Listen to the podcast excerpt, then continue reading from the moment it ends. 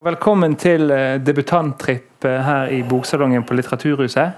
Som er da Litteraturhusets sånn faste eh, møteserie for eh, eh, Der vi utforsker da de siste, nye, friskeste stemmene i norsk skjønnlitteratur. Eh, denne gangen med det kanskje ikke så friske eller lystige temaet døden. Eh, vi har med oss tre debutanter som eh, alle tre berører dette temaet på ulike måter. Nærmest meg, er tidligere litteraturkritiker i Morgenbladet, nå forlagsredaktør i Samlaget. Hun har utgitt sin første bok, en novellesamling som heter 'En gang var de ulver'. Velkommen, Therese Tungen. Takk. Vi kan godt få en applaus imellom, så får vi litt sånn god stemning. Bortest her så sitter da Oddas nyeste forfatter, tror jeg. De kommer jo på eh, løpende bånd. Har debutert med en diktsamling, eller iallfall en diktbok, som ser sånn ut. 'Jeg kom plutselig til å slutte å tenke på deg'. Han er i Bergen også kjent som norsk litteratur lyrikkformidlings Wonderboy. Velkommen, Fredrik Hagen. Takk for det. Som Wonder Girl har vi også med oss eh, vårens yngste debutant. Hun er 18 eh, år, russ i år, uten russebuksen på. Hun har også utgitt poesi, også på Flamme forlag som Fredrik. Unngå øyekontakt fra Hamar. Velkommen, Nora Askim. Jeg tenkte at jeg først skulle snakke litt med hver enkelt av forfatterne. og liksom prøve å presentere bøkene litt. Eh, og så at vi deretter eh, tar en liten samtale, fellessamtale til slutt. Og så pensler vi litt inn på denne her dødstematikken underveis, kanskje. Forhåpentligvis. Mot slutten så åpner vi for spørsmål fra salen. Eh, så tenk gjerne gjennom hvis dere dukker opp noe. Noter dere det ned på mobilen eller bak øret eller et eller annet sted. Eh, vi tenker å holde på en drøy time før vi åpner for spørsmål. Så da tenkte jeg å begynne med deg, Therese. En gang var det ulver. Seks eh, ganske mørke noveller. Kan du si litt om hva slags bok dette her er? Ja, jeg kan prøve. Um, pratet, det er ikke så lenge siden jeg pratet med en bergensk litteraturviter, jeg skal ikke si navnet hans. Men han sa noe om at folk som sier at de skriver veldig mørk litteratur, de gjør egentlig ikke det. så da bestemte jeg for at jeg skal ikke si at jeg skriver mørke og dystre noveller. um, Og jeg tenker faktisk ikke på dem som så mørke og dystre, men når jeg får reaksjoner fra folk som har lest dem, så sier veldig mange det samme. At det var jo ofte var jo forferdelig mørkt og trist, og det som skjer i, i de forskjellige tekstene. Eh, men det er kanskje noe med at når en skriver, skrives inn i, i, et stoff og har karakter og noe som skjer, så, så, er det ofte en logikk i det som skjer når jeg skriver det. Eh, det må bli som det blir. Eh, så eh, ting liksom Ting er for meg logiske og eh, når, det skjer, når, det skjer, noe som er dramatisk, så tenker jeg at ja, det måtte, det måtte bli et lek. Eh, så det er ikke før jeg liksom ser litt på, fra utsida at jeg skjønner at det, det var jo Ja, det, var, det er jo det er mye drama. Det eh, hvis det regner med dyra som dør, så er det vel det fem som dør i løpet av seks noveller, det er jo ganske mye. Og det er tre forskjellige typer våpen. Um, og det, det, er både begravelse og uh, kastraksjon og klaustrofobi og ja. Diaré. Uh, hm? Diaré. Diaré. Manglende kroppskontroll.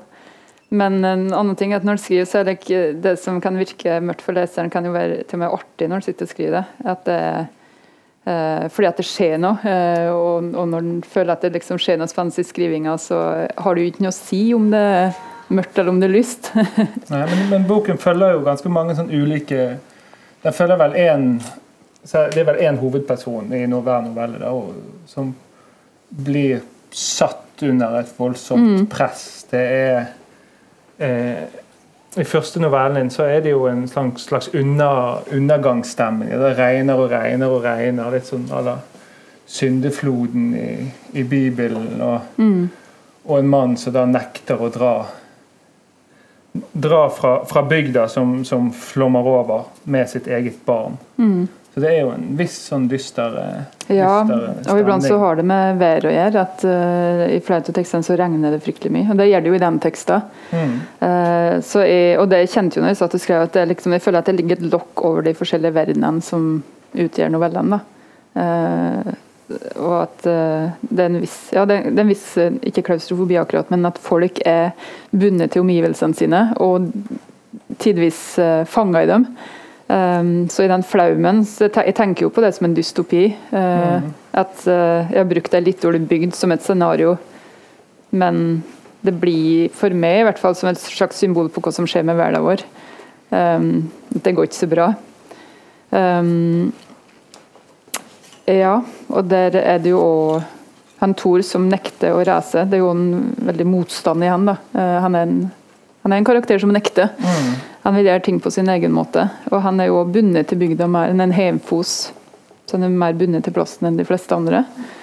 Um, og tenker at det, han har ikke noe valg, tenker jeg på mange måter. Eller han føler at han ikke har det. så han må bli der. Mm. Selv om det ikke er Det er jo ingenting smart med den avgjørelsen. Nei, men det er jo, som jeg nevnte, sånn ulike personer som havner under et, under et voldsomt press da med f.eks. en slags klimakrise eller eh, en som mister jobben i, litt i kulturbransjen, sånn, sånn kommunikasjonsavdeling. Sant? Får ikke ser, ser ingen nye muligheter. Mm. du, har du tenkt på liksom, at boken er en slags undersøkelse av eh, hvor mye man tåler? Ja, um, jeg, tenker, jeg tenker det. Jeg tenker at det er det som forener de seks novellene som er ganske forskjellige. At uh, Vi må se hvor mye folk tåler. Og Det høres så brutalt ut. Um, men det er jo spennende så, syns jeg. Uh, fordi at jeg syns det er fascinerende hva som, hva som faktisk skjer med folk når omgivelsene blir ganske drøye. Det kan være I ett tilfelle så er jo den flommen en helt konkret naturhending. Uh, eller det kan være at noen mister jobben, eller det kan være tre unge som er alene i en leilighet fordi at mammaen uh, forsvinner. Um, og hva er det som skjer med den enkelte i en slik situasjon, så tenker jeg på hva som skjer mellom folk. da.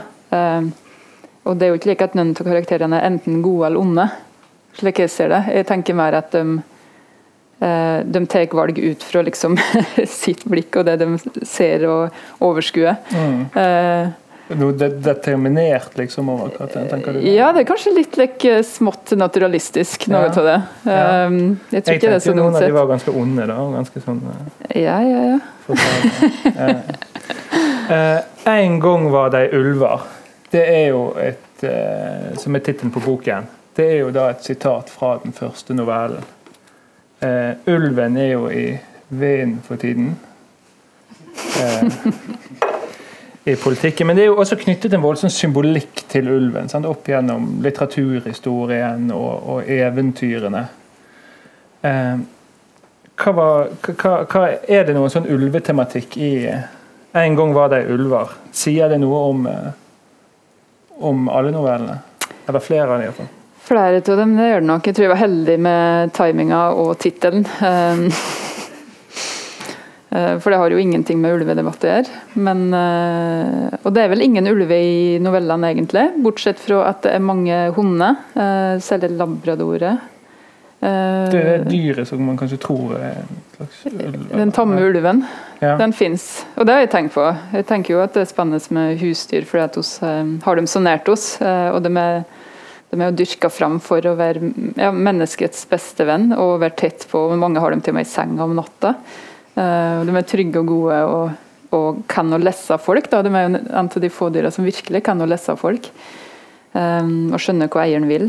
Uh, Samtidig som de har, uh, de har jo den der ulven inni seg, eller i hvert fall uh, åt noen hunder så kan det vise seg iblant, hvis de er i en veldig pressa situasjon, de òg. At knip det, så kan de bli en ulv. Og, og det viser seg jo kanskje litt også i de menneskene som har noe sånn dyrisk over seg. Noe sånn kroppslig og Ja. naturlig på en måte. De styres ofte ofte mer av kroppen enn av Kan virke som hjernen eller hodet er med på, Mm. på kjøtt og flesk, kan man kanskje si bokstavelig Mm. Så ser vi langt fra det rasjonelle vesenet som er suverent og som styrer over kroppen sin. Det er, mest, Mm. det er ofte mer kroppen som går framfor, eller som, som kroppen bestemmer over hjernen, da, nærmest. Mm. til dem. Men jeg synes det var artig, at liksom han Thor, som er en litt spesiell type, um, der var jo en anmelder som sier at ja, det er jo det dyriske Eller flere som sier at det er det dyriske Thor som dukker fram. Når han er i en pressa situasjon, så blir det ulveaktig han kommer fram. Uh, og det virka så opplagt når jeg så den anmeldelsen, men jeg hadde ikke tenkt på det sjøl når jeg skrev den novella. Uh, men det er klart at det ligger jo en slik symbolikk der. Mm. Men jeg tenker også på det dyriske. I en annen novelle så handler det en del om netthat. Og der tenker jeg veldig relevant å tenke på det dyriske eh, når en ser på liksom fenomenet nettrolling. Eh, hva går an å si og, og gjøre på nett. Eh, fra det trygge, tastaturet sitt, uten at det har noe følge følge for det. Um, og Folk blir jo ofte som dyr på internett, og det tenker jeg er litt lekk, fordi du har ikke den nærkontakta å leser den andre personen. Du ser ikke konsekvensene av det du gjør. da. Mm. Eh, Så i ei av novellene som heter 'Slutten på en karriere', som handler om en programleder som blir trua til å leke nettroll, da, blant annet. Eh, og det blir sett en pris på hodet hennes. At uh, den tar dugnad nærmest på the dark web, der du kan putte inn penger for at hun skal bli tilgivet til, til slutt av en leiemorder. Um, så det jeg hadde lyst til å gjøre der um, Jeg hadde lyst til å prøve å finne ut hva, liksom, kost, kost, hva er konsekvensene hvis du hvis det der netthatet Hvis en ser kan, kan det faktisk konsekvenser det har på en person sitt liv. da. Um, og i den novella så er det jo uh, Hun er jo nervøs og oppfarende fordi at hun vet at de er på henne. Hun sitter i bilen på vei hjem fra programmet. Um, hun vet jo ikke om den drapstrusselen, men hun har fått noe lignende tidligere. Så der, der tenkte jeg direkte på den metaforen. Hva, hva, er, liksom, hva er det dyriske i folk? da? Mm. Oss er så siviliserte, men samtidig ikke. Det er ikke så langt fra, fra dyr i oss. Mm, nei. Um, du skal jo lese et lite utdrag. Um, det er jo fra en novelle som kanskje handler mer om uh, geiten enn en ulven. Kanskje du kan, eh, kan du si litt hva vi skal få høre før du leser? Eller Eh, si litt om det etterpå? Nei, jeg kan godt si litt før. Um, det er en novelle som heter 'Det går bra med de aller fleste', som handler om en bibliotekar på bygda som også er geitebonde. Um, har mista begge foreldrene sine i løpet av veldig kort tid, så hun er fortsatt i sjokk over uh, de dødsfallene. Um, så går hun og er i sorg egentlig et, et, det er vel seks måneder etterpå. eller noe. Eh, samtidig som hun skal kastrere de to geitbukkene sine, så hun venter på en veterinær. Um, og så er det nesten et symbiotisk forhold til den døde mora. Som, eh, som hun går og Om hun ikke tenker på henne, så er hun også noe som sitter i kroppen. Så jeg tenkte jeg skulle lese litt fra det. I dagene etterpå var det bare søstre hun kunne snakke med. De ringte til hverandre hver dag, både etter moras og farens død. De snakka om dødsleia. Igjen og igjen gikk de gjennom dagene på gamleheimen og prøvde å få en mening eller sammenheng i det som hadde skjedd. Til slutt ble Anna helt matt av all snakkinga. Men gravferda til mora skulle planlegges, så faren si. De bar moras kiste til grava. Mora var så lett. Likevel vakla de av galemennet, og det var så vidt de fikk plassert kista på stålkonstruksjonen over holet i bakken, som hun skulle ned i. På den andre sida av kista gikk søsteren hennes. Bak henne gikk Henry. Johan var også med og bar. Hun syntes han var for ung, men han ville.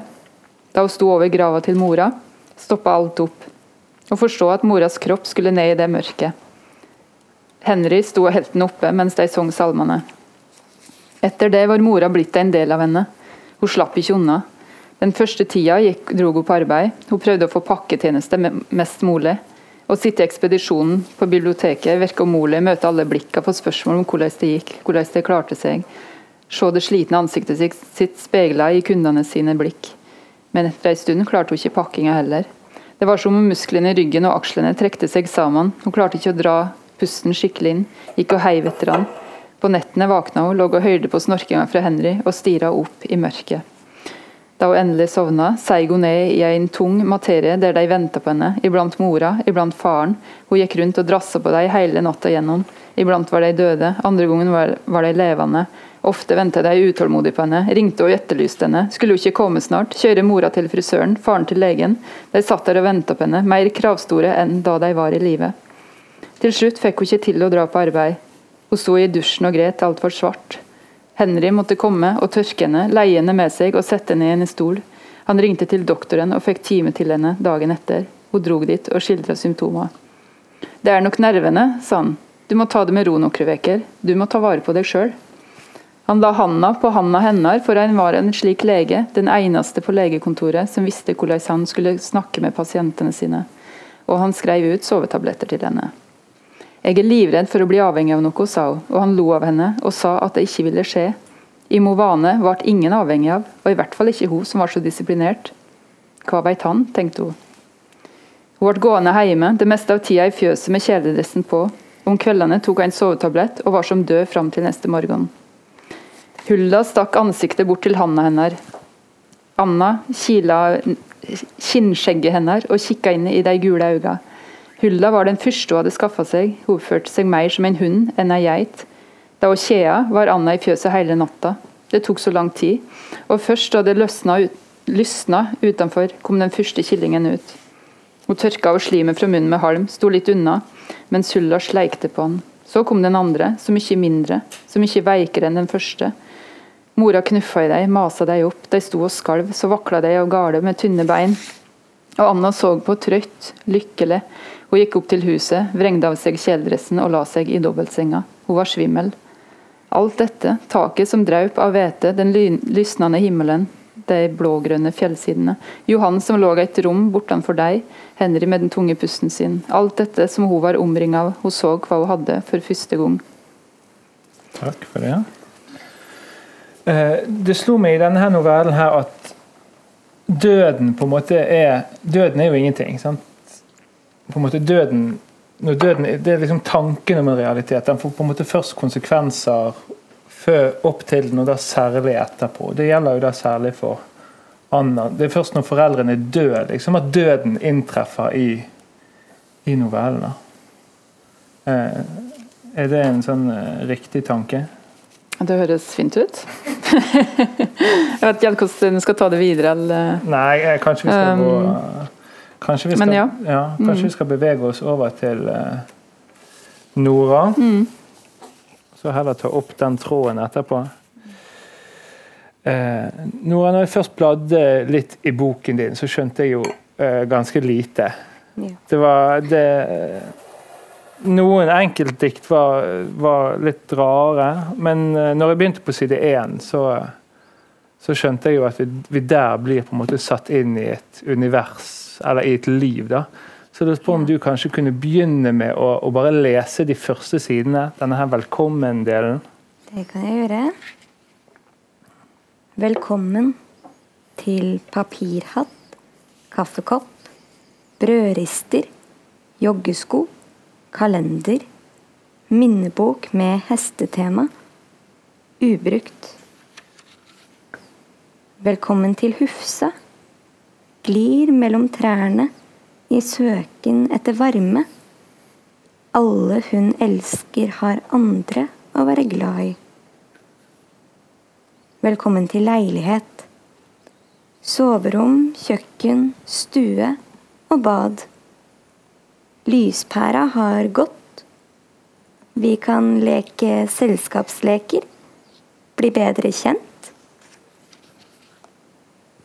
Velkommen til ansiktet.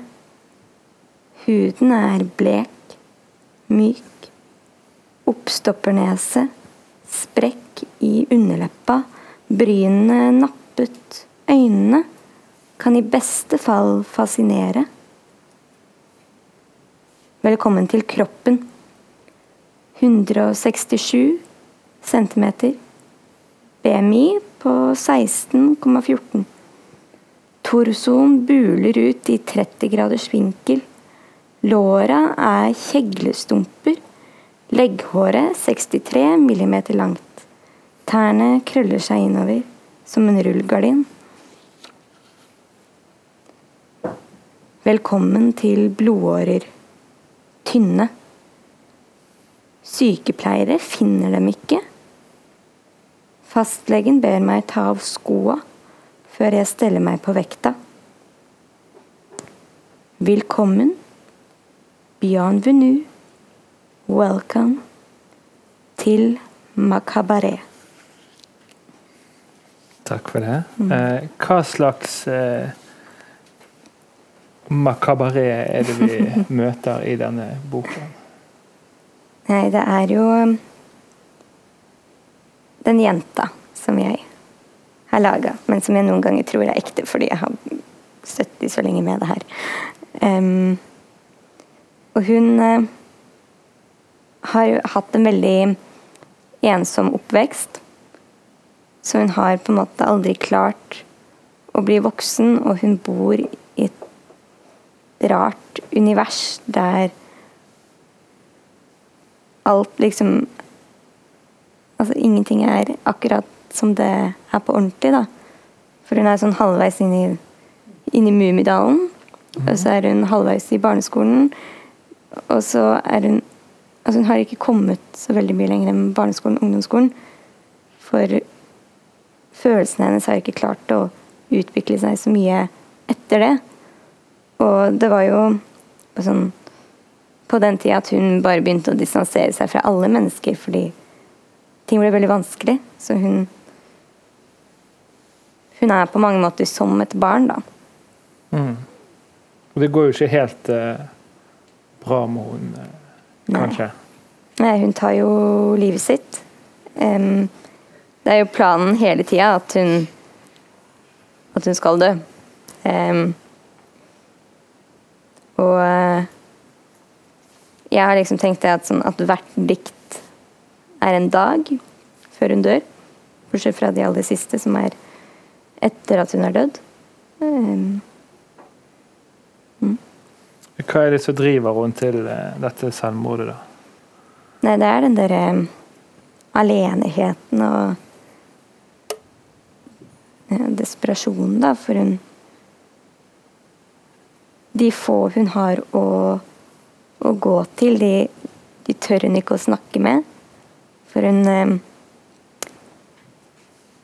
Hun bare ser på seg selv som en så stor belastning for um, alle hun kjenner, og hele samfunnet og alt mulig.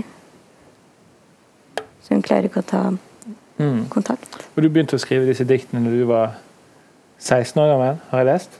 Ja. Eh, eh, barns selvmord, tenkte du at du kanskje At nå var din mulighet til å gjøre det mens du fortsatt var nesten barn? da? Nei, det tenkte jeg ikke. Eh, Det var egentlig veldig tilfeldig at jeg begynte å skrive om det temaet.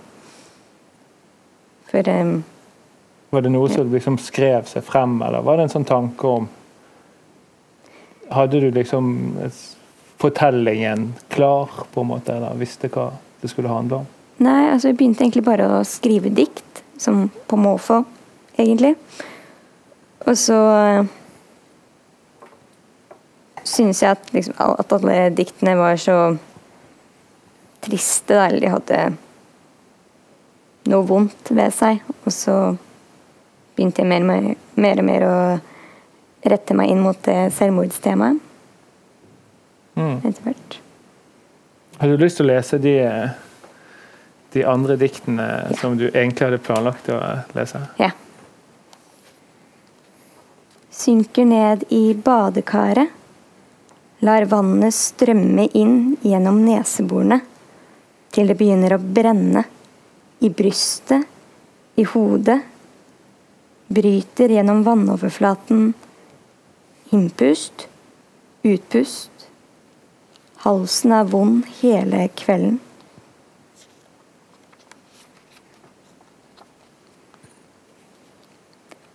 Vannet renner ned i vasken. Ta meg med. Ta meg med. Snille.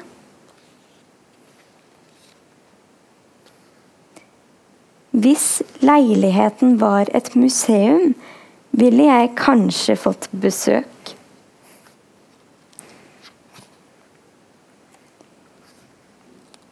Kikker ned fra et vindu i fjerde etasje. Luften glir mot Willy ned i lungene. Kroppen ser ikke nødvendigheten med å gi opp. Bli kvitt hodepinen. Hjertet pumper. Da får jeg den tilbake. Takk. Ja. Uh, her mumiverden som på en måte er med i boken, og særlig da Hufsa som Ja. en slags eh, eh, følgesvenn, eller en sånn eh, Denne her tragiske Hufsa-skikkelsen. Mm. Hvorfor eh, Hva har disse verdenene å gjøre med hverandre? Nei, altså jeg Jeg syns jo at det Mummiuniverset er veldig interessant. Og eh, hvis vi ser på det med at hun aldri ble ordentlig voksen, da, at hun alltid går tilbake til det fiktive stedet Mummidalen. Hun lever i Mummidalen. Hun er Hufsa, kjenner Hufsa. Det Hvem er denne Hufsa-skikkelsen, hvis ikke alle har helt uh... Ja. Eh, nei, eh, Hufsa blir tolka på mange måter.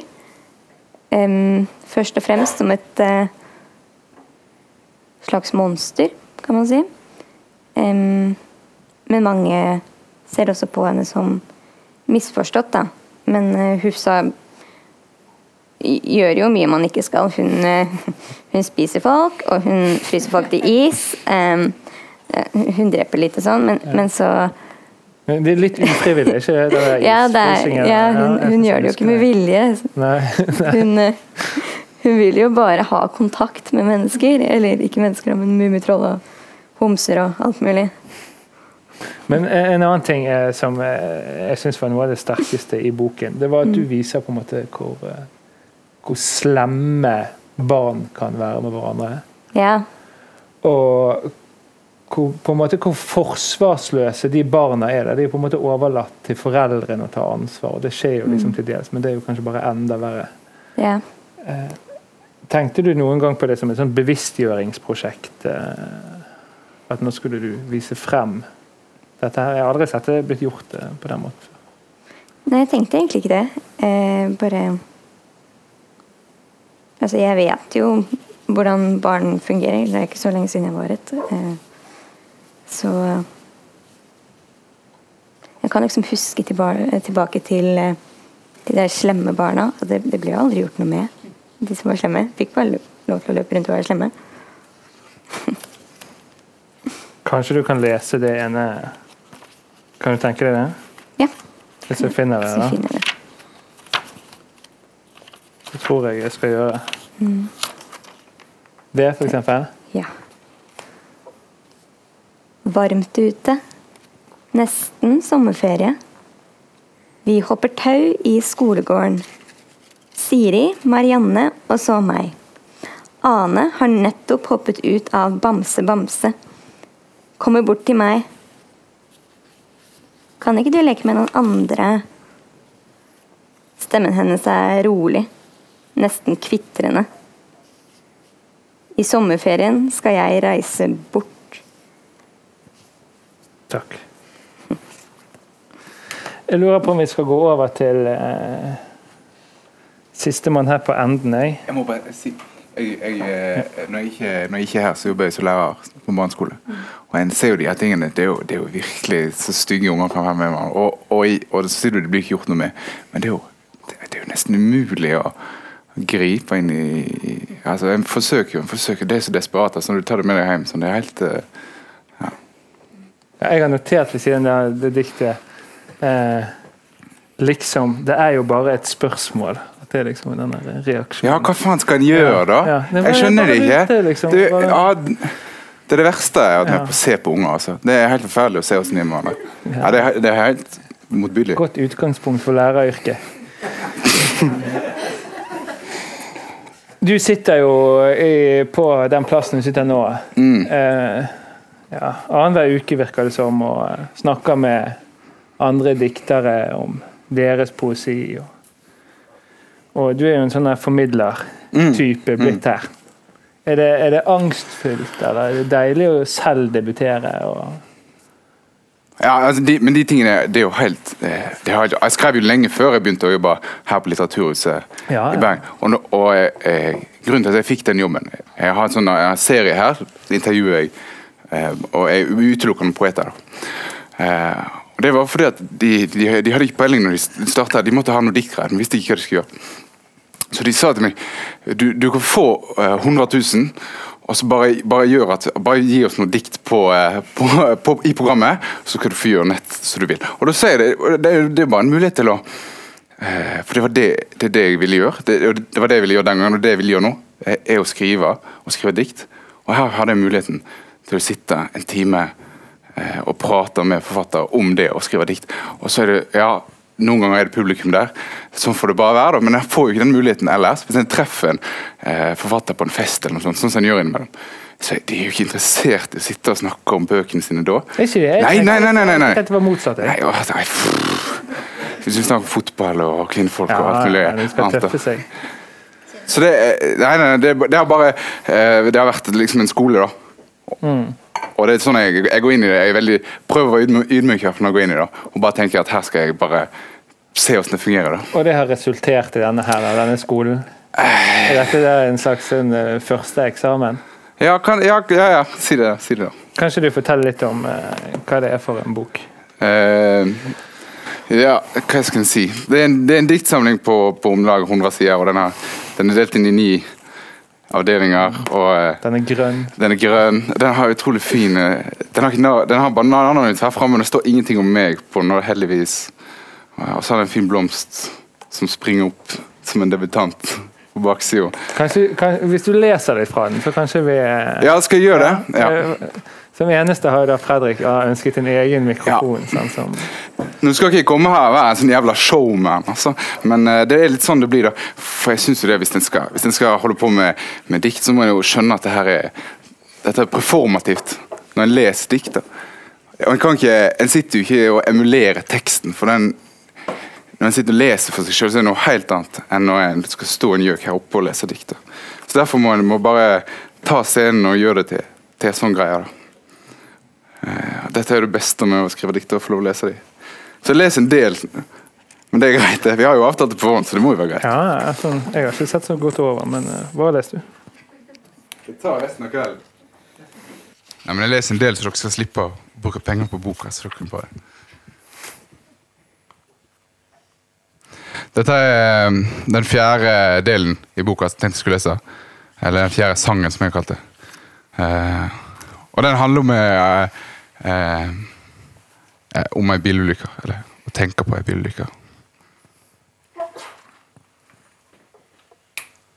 Det fins et svart hull inne i deg. Ikke som de svarte hullene i verdensrommet som suger til seg alt som kommer nær de og ødelegger det, men som er et hull i en tann. Umerkelig mesteparten av tida, men noen ganger blir smerten likevel så overveldende at en må trykke hendene rundt kjeven for å prøve å presse det bort. Presse bort den lille råtne biten av deg sjøl. Det svarte hullet i deg er vondest når du plutselig tenker på den ene bilulykka du har vært vitne til. Og du var sikker på at hun som hadde krasja, var død. Ansiktet most mot baksida av en trailer. Da du, stopp, eh, da du stoppa trafikken og ringte sykebilen, prøvde du å snakke med den døde kroppen hennes. Den døde kroppen hennes sa ingenting, og blodet mellom fingrene dine, det varme blodet hennes mellom fingrene dine, du blei frista til å stikke fingrene i munnen. Hun ble henta i et helikopter, og du kjørte rundt Fana for å komme deg hjem. Du hadde If Only As A Ghost på anlegget. Du turte ikke skru opp lyden. Du måtte høre pusten din, høre om du fikk panikk. Du fikk ikke panikk, du pusta rolig. Hun var 18 år, og hun var død. Du leste det i BT. Blei sittende lenge i bilen etter du hadde parkert, og regnet slo mot frontruta. Og da du gikk ut, vaska du av deg det størkna blodet i de store vanndråpene som lå overalt på panseret.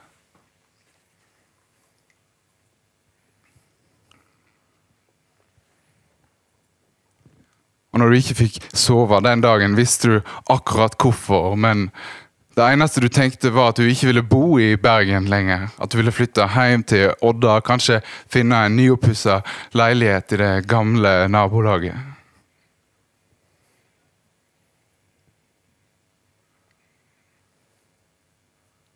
Og det eneste som egentlig hjelper mot ansiktet hennes, er å lukke øynene, forestille seg Freimselva, og avføringen den drar med seg ned til Sørfjorden.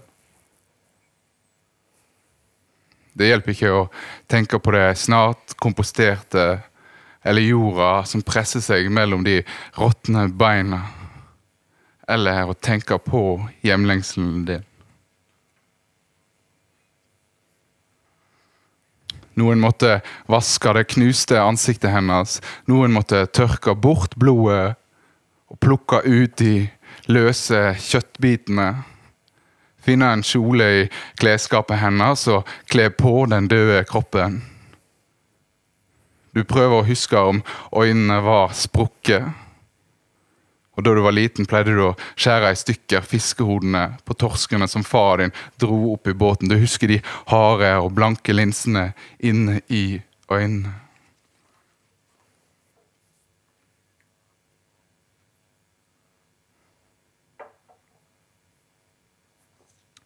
Det er lett å dø.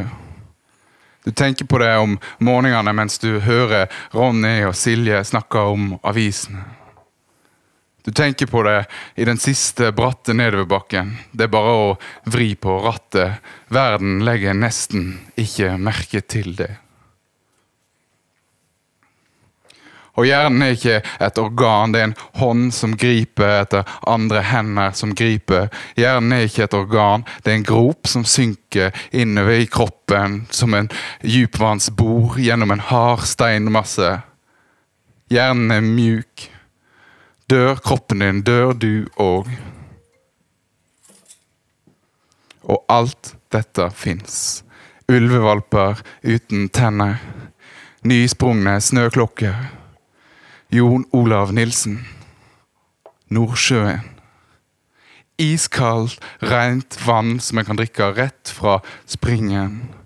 Rosa og lyseblå, sure colaflasker. Pølser med bacon og ostebiter. Brevene van Gogh skrev til sin bror. Dirrende ensomhet i kroppen din. En utgått melkekartong i skapet ditt tacorester på stuebordet. Og ofte våkner du midt på natta som om kroppen ikke lenger orker å sove. Om natta tisser du sittende som en lita jente. Du kunne aldri eh, sitte sånn med lyset på. Du sjekker at du har låst ytterdøra ut mot fellesgangen. Ofte sovner du igjen med en gang du er tilbake i senga, men ikke alltid.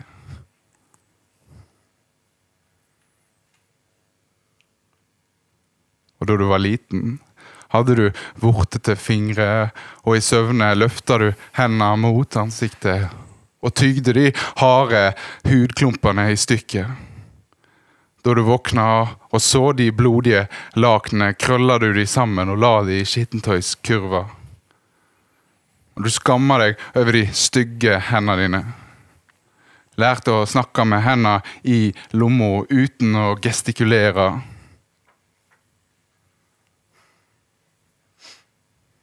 Et minne. Du er åtte år og bytter truse i sofaen foran de store stuevinduene.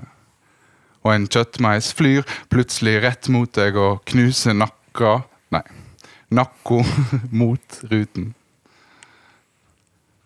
Og du ser den dør før du henter far din som kaster den lille kroppen over hagegjerdet og inn mellom buskene.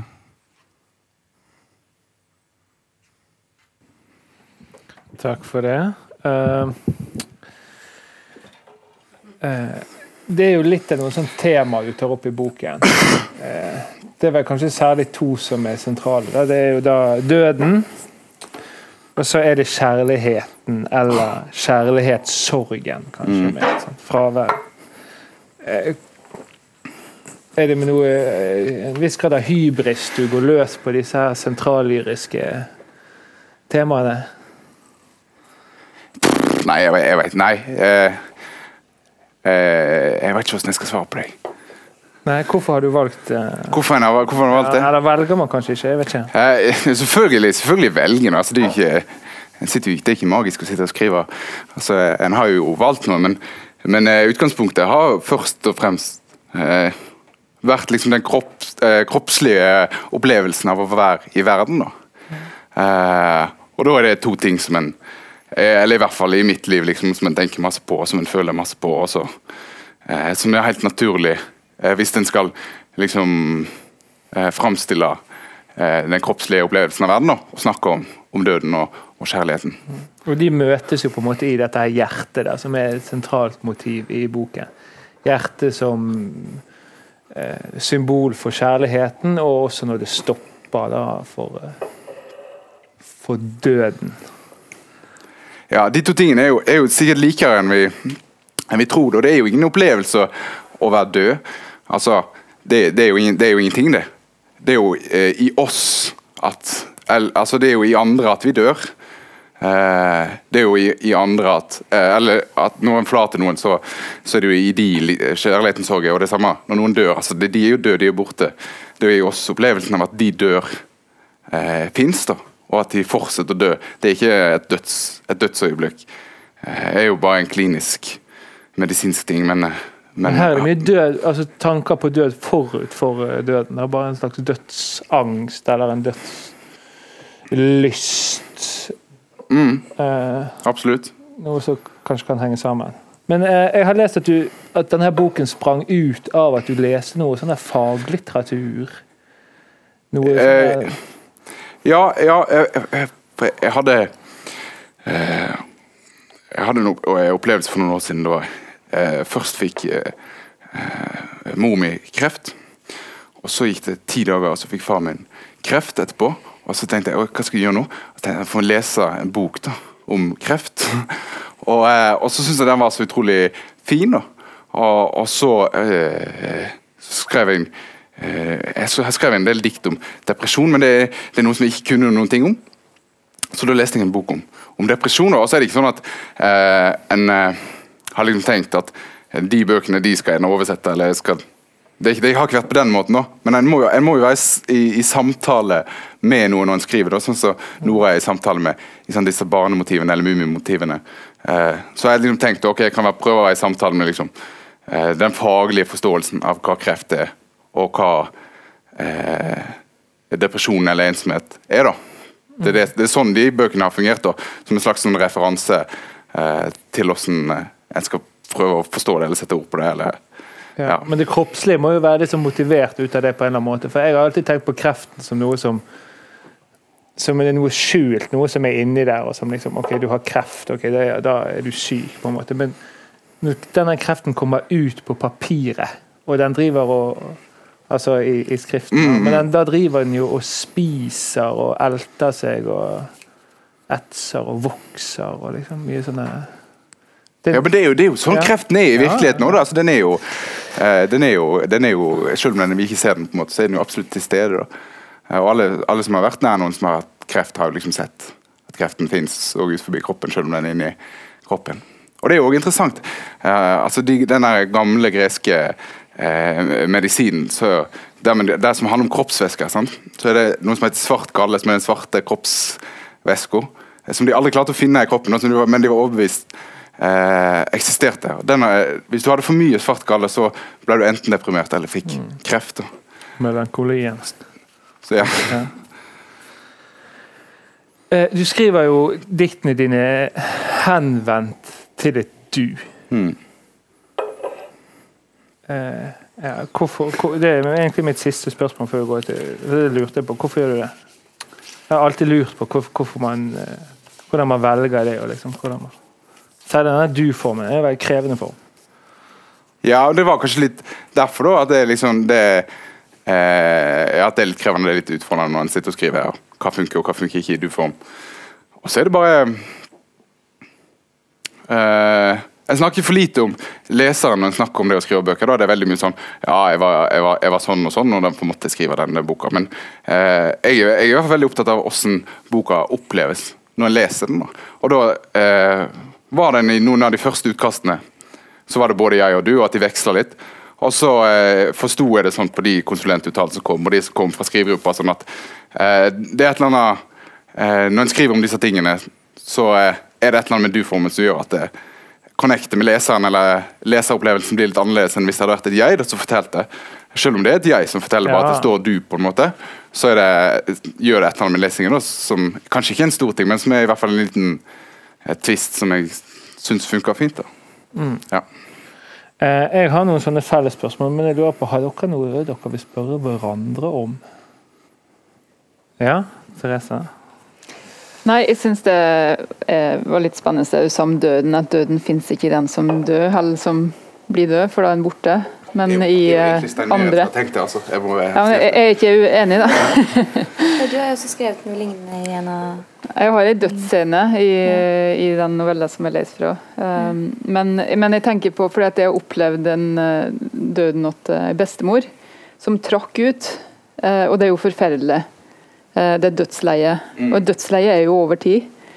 Uh, og det tok så lang tid, og det var så utmattende. Det tok fem dager, da. Um, mens hun satt rundt senga, og det var jo Det var litt som å være på film, men samtidig i virkeligheten. For det, det er slik du ser for deg, at alle sitter liksom rundt den som skal dø.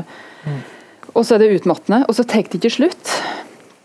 Um, så når du sier at den som dør, at, at, at døden finnes for, for de andre som blir igjen, så tenker jeg at, at, at når du har vært med på noe slikt, så, så er det så, det er så mye med det. Det var som en fødsel, eh, helt sant. Men at den som skulle det var At den gamle skulle jo ikke bli født inn i noe. Men i hvert fall for meg som er ateist, da. så tenker jeg at etterpå så var det stille og tomt. Men, men det, det var noe, noe felles eh, fellestrekk med det å bli født. Um, som jeg syns var En ting var at det var forferdelig, men det var fascinerende s- å være med på. eh, og ekstremt meningsfullt. da. Men, um, men og jeg har også skjønt at dødsleie det kan være i månedsvis. det. Altså Hvis noen ligger og er, er fatalt syke, men så Og det er venting og venting, og venting, og så skjer det ikke skjer det aldri. Og det er også venting for den som skal dø. sant? Det er ikke bare for dem som blir igjen. Jeg har ventet i ti år på, på å dø nå. sant? Ja, jeg venter jo ja, på at eh, det skal skje, for du har fått det forespeilet så mange ganger. Men det er jo også noe som følger døden. Da. Noe sånn der standardisert. Det tenkte jeg på når jeg leste også Først er det liksom da ja, at man liksom skal følge noen til døden, og så etterpå så er det en sånn likvake. og eh, i, I den novellen du leste fra, så, så sier f.eks. sykesøsteren sier, ja, dere får ta den tiden dere trenger.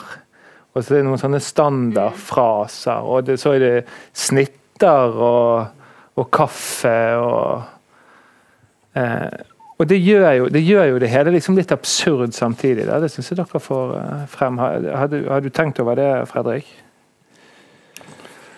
Eh, at det er absurd med døden, Ja. eller ritualene vi har.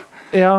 Ja, men eh, ja, nå, nå snakker en jo litt forbi litteraturen, kanskje, men jeg tenker jo det i, i sånne eh, a- eh, så alvorlige ting. Da. Eller det kan også være noe så banalt som et bryllup, men at eh, liksom når det kommer til de store eh, følelsene, så må vi liksom gripe til noe litt banalt for, å, eh, bare for å ha et eller annet å gjøre på, nesten. altså bare for å ja, En må si de tingene, og en må, en må ete de snittene, og en må drikke den kaffen i begravelsen. og eh, for hva, hva, hva, hva skal en gjøre? altså eh, altså, det er bare, ja, En trenger ritualer for å gi mening da, til, døden, eller ja. Men i diktsamlinga di så er jo due, eller jeg due, da, kan man Mm. kalle det, eh, ser for seg sin egen begravelse. Um, og det er jo ganske melodramatisk, um, og gjør det. Jeg gjør det hele tida. Jeg, særlig- jeg gjorde det særlig før når jeg var yngre. Jeg har slutta med det, tror jeg. Men det å se for seg at en sjøl dør, og hvor forferdelig trist det blir for dem som er Og det er jo det du gjør. Ja, ja, ja. Um, eller du, det er altså. utrolig er fortelleren, da. sant? Det, ja. Og, og mammaen i begravelsen som sier at uh, han tenkte for mye på andre og for lite på seg sjøl, for mye på meg og for lite på seg sjøl. Eh, eh, Og det er jo sånn alle som har opplevd et dødsfall, vet jo at den som dør, er jo så utrolig godt menneske. sant? Den som dør. Eh, og en har jo litt lyst, kanskje, eh, å bli tenkt sånn om òg, da. Og det blir en jo rett etter en dør. I hvert fall forhåpentligvis. da. Det, Ja, Også og at man dyrker det. Kan, kan jeg lese fra din Er det lov? ja du må, du, men du må lese med innlevelse. Din bestefar pleide å si at han hadde så dårlig hukommelse, men du husker da han, da han døde? Han sovnet inn på Haukeland, og da dere kjørte hjemover mot Odda, snakket foreldrene dine om hvor fint det var at også sykesøsteren gråt. Det er noe sånn forfengelig man har over de avdøde, ikke sant? Det var så- Det var så flott at også sykesøsteren liksom Ja, ja, ja. gråt for bestefar. Men, Noe som er eh, helt absurd. På én måte. ja, men det, ja, ja, på, på en annen måte så gir det jo mening på en måte at, at en, eh, en ser at det betyr noe for noen som det ikke betyr noe for. da. Men, eh, men altså død og kreft og sånn er jo også noe som en smykker seg med, på en måte, da, hvis en har vært i nærheten av det. Eh, og det, det, er noe, det er ikke noe fælt med det. altså Det er helt naturlig å gjøre det, og det er helt greit å gjøre det, men en gjør jo det, da. Men det motsatte er jo òg tilfellet at um, det absurde med at verden går videre når noen dør. Eh, og hun, eh, Jeg har ikke lest den boka, men hun danske Naya Marie, Marie Eit, som har skrevet en bok nå, som har vært ganske mye skrevet om i Norge, og om at uh, den unge sønnen hans dør ved et like, absurd uhell, egentlig, fordi han skulle prøve ut litt narkotika, og så bare hoppa han ut fra tredje eller fjerde etasje, og borte var han. Eh, og så skriver hun vel om hvor, hvor utrolig vanskelig det er å sette ord på, og gjerne vite hva hun skal gjøre med det. Men òg Jeg leser et utdrag om hvor, hvor, hvor, hvor rasende en kan bli fordi at andre går videre og fortsetter med sitt. For det er jo liksom Ja. eh, Når ting står så stille for den det gjelder, da.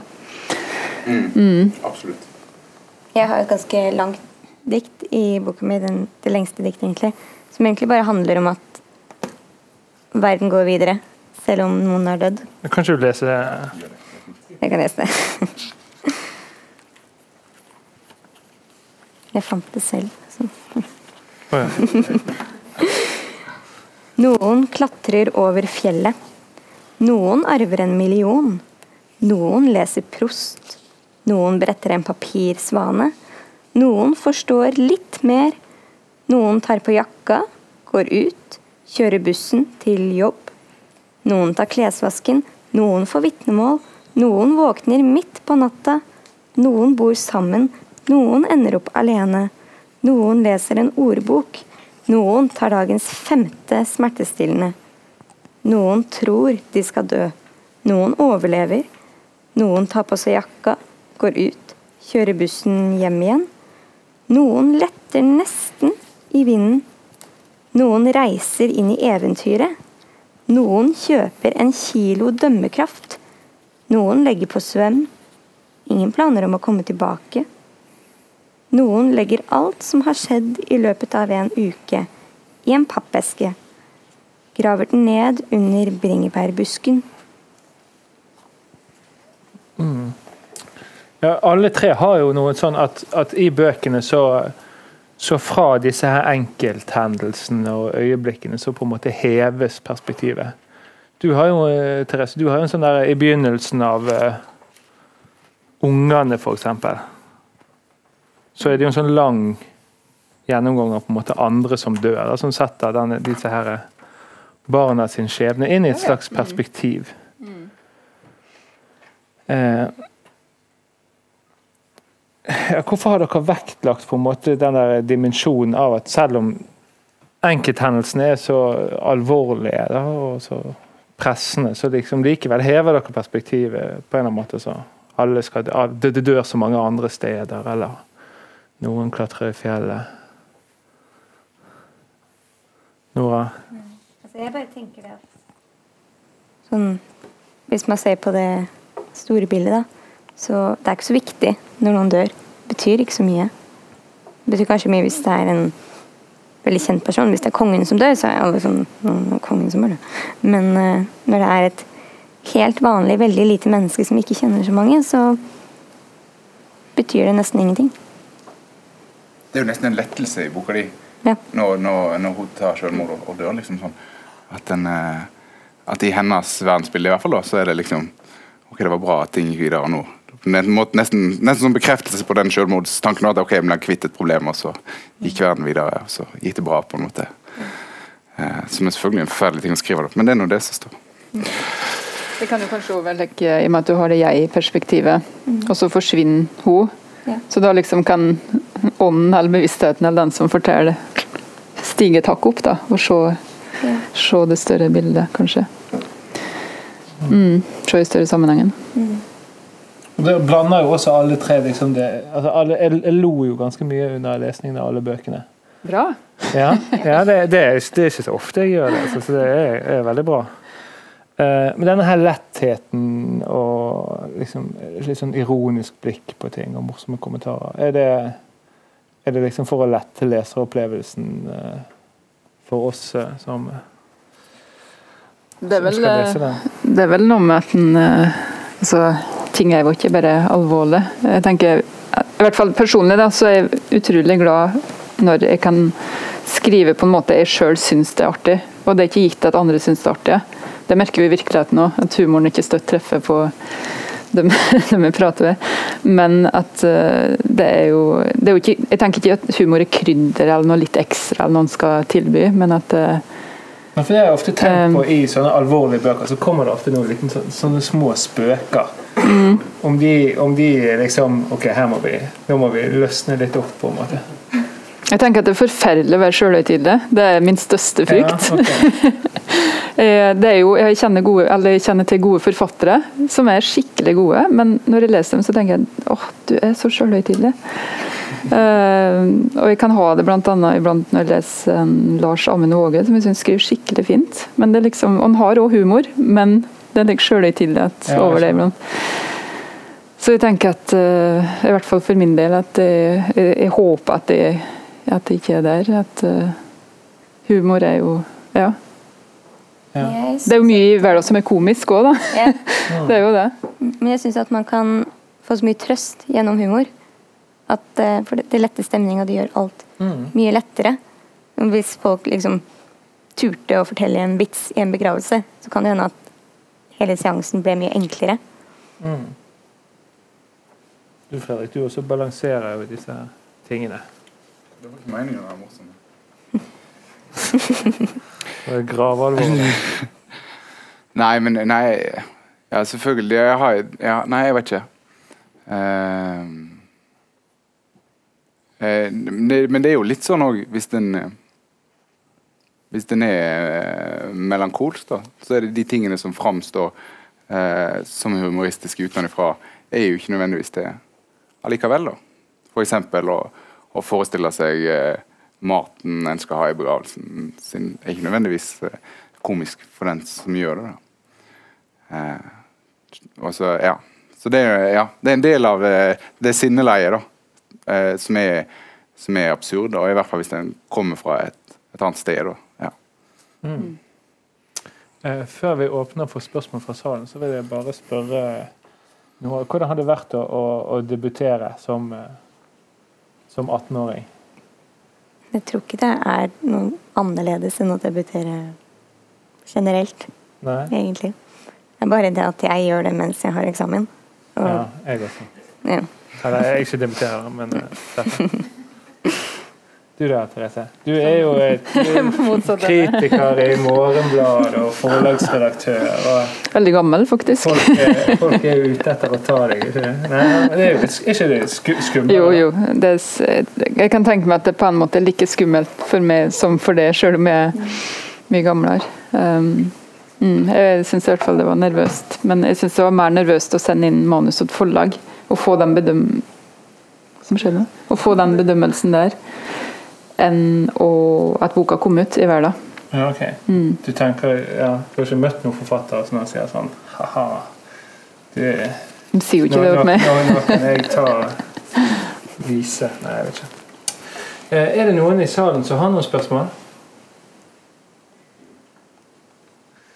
Ok, nei, men da tror jeg eh, vi sier takk til Therese Tungen, eh, Nora Askim og Fredrik Hagen.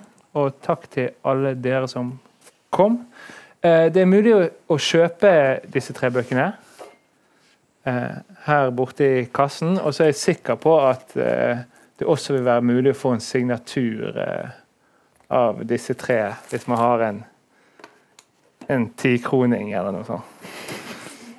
Men da sier jeg takk for oss, og takk til alle som kom. Takk.